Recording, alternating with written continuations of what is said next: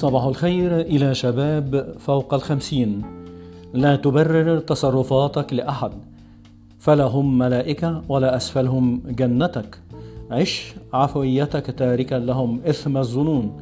فلك أجرهم ولهم ذنب ما يعتقدون. لا تجادل الأغبياء حتى لا يتوقف قلبك عن النبض.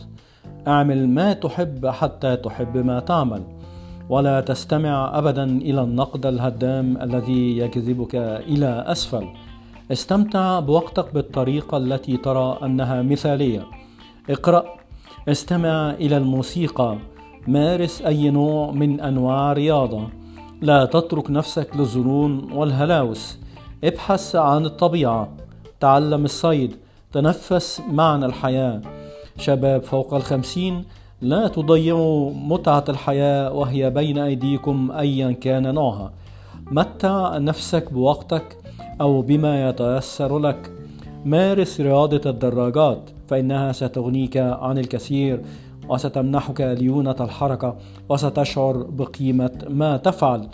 افعل أي شيء ولا تترك نفسك للظنون هذا ما افعله وهذا ما أقوم به.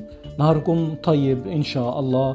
عسى أن نلقاكم وأنتم في أسعد حال. السلام عليكم ورحمة الله وبركاته.